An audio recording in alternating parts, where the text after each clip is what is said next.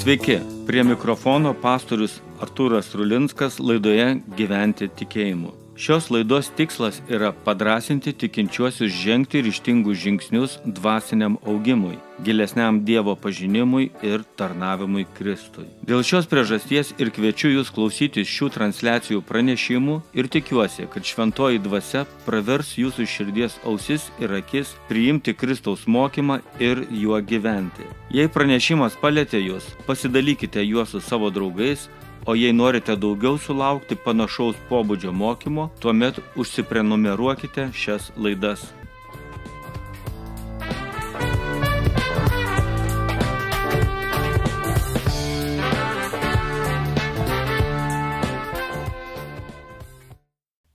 Sveiki, brangus klausytojai. Biblijos istorijose skaičius 40 yra simboliškas daugelį prasmių. Moze ant kalno tiek dienų išbūna su Dievu, Izraelio kelionė į pažado žemę tęsiasi tiek metų.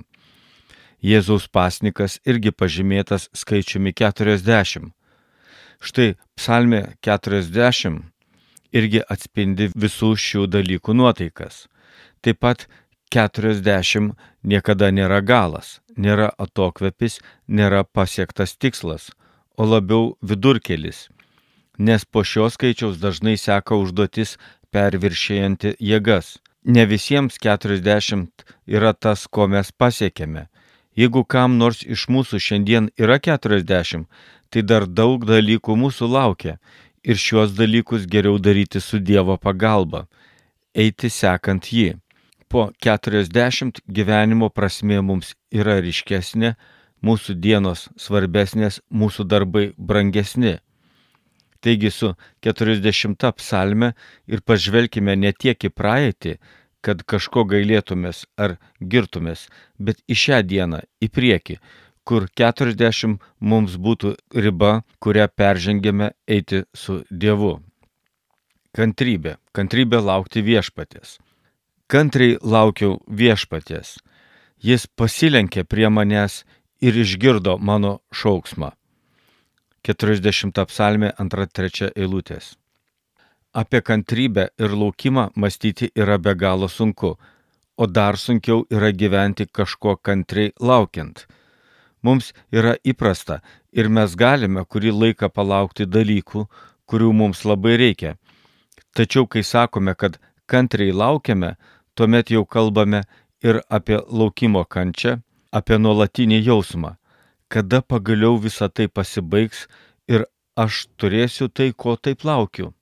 Kantriai įmanoma yra laukti mums pažįstamų dalykų, o tai, ko nežinome, apskritai ar verta laukti. Kantriai laukiame, kai neturime kur dėtis ir nežinome, ką kitą galime daryti. Laukiame ateinančios vasaros, laukiame mokslo metų pabaigos, laukiame, kada pagaliau baigsis karas ir panašiai. Žodžiai ir mintis, kad laukiame viešpatės, tikrai yra labai sunkus, bet viešpačių mes vilimės ir gyvename tikėjimu. Taigi laukti viešpaties yra kitaip nei laukti vasaros, apie kurią puikiausiai kiekvienas žinome, kuomet jai atėjus oras sušyla ir gamta prabunda. Tačiau vasara kitaip nei viešpats, nesprendžia mūsų rūpeščių ir problemų, nebent jas šiek tiek yra lengviau pakelti. Dovydas kantriai laukė viešpaties. Nežinome, kodėl dabar jis rašo štai tokią giesmę. Gal Dovydas yra kare ir jis nori taikos. Gal Dovydas pavargo slėptis nuo Sauliaus ir jis nori ramybės. Gal Dovydas pergyvena dėl savo susiskaldžiusios šeimos ir jaučia didžiulę asmeninę kaltę. Dovido kantriame laukime girdime jo šauksmą į viešpatį. Jam krūtinėje susikaupė skausmas, jo gerklė pavargo šaukti, burna išdžiuvo ašarų jau nebeliko, bet jis nesustodamas šaukėsi viešpaties. Nebūtinai viešpaties šauktis balsu, nors atrodo, kad jis rašo taip, kaip ir darė. Dabartinėme laike daugam toks šauksmas atrodys kaip bepročio ir nesveiko žmogaus. Šauktis viešpaties šaukiamės savo sieloje ir maldoje, raudoje, aimanoje, pasininkė. Eik, sako mano širdis, ieškok jo veido, tavo veido viešpatė, aš ieškau. 27 psalmė 8 eilutė. Taigi ir būdas, kaip Dovydas laukė viešpatės jo ieškodamas, o jo širdis nerandanti atsakymų į iškilusius gyvenimo sunkumus, skatino ieškoti viešpaties ir pažinti jo valią. Dievo knygoje dar vienas tikėjimo žmogus ieškojo viešpaties - pranašas Elijas. Tvirtas kaip uola vyras susilpo ir netgi savo sielos skausme pradėjo melstis mirties. Tačiau viešpats pakvietė jį į susitikimą, į kurį Elijas ėjo keturiasdešimt dienų. Išeik laukan, pašaukė jis, ir stovėk ant kalno priešais viešpati, nes viešpats praeis.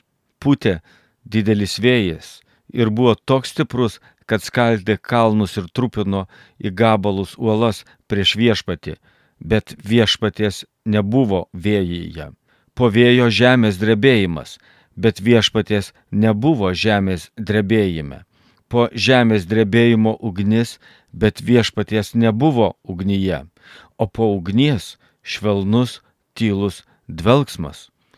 Išgirdęs jį, Elijas apsigaubė veidą skraiste ir išėjęs atsistojo prie olos angos. Tada į jį balsas kreipėsi.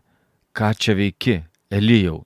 Pirma karalių knyga 19 skyrius 11-13 eilutės. Štai skaitome, kaip Elijas ant kalno stovėdamas laukia viešpatės. Audra, perkunija, žemės drebėjimas, ugnis ir tyla. Viešpats sutinka Eliją tyloje.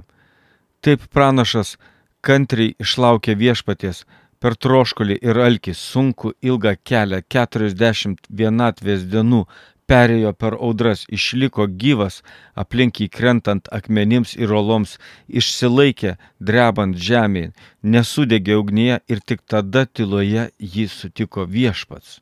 Iki viešpaties ilgas kelias, kantriai einant. Daug kas iš mūsų galvojame, kad aš jau turėjau sulaukti viešpaties ir jis jau turėjo mane pakilėti, nes mane drasko nerimas, nes mane kankina nežinia, nes bejėgiškumas daug didesnis už likusias jėgas. Prieš pakilėdamas, prieš pastatydamas, prieš sutvirtindamas viešpats pasilenkė žemyn paklausyti. Kieno balsą aš girdžiu? Kieno rauda tokia graudi, kuris čia nebesijaučia tarsi ant žemės stovėtų. Brangus klausytojų, viešpats yra surandamas, todėl jis mums ir apsireiškė žodėje, kad jį surastume. Viešpats nekurčias, jis prie šaukiančiojo pasilenkia ir girdi, bei mato, ir netgi jaučia tai, kur mums skauda.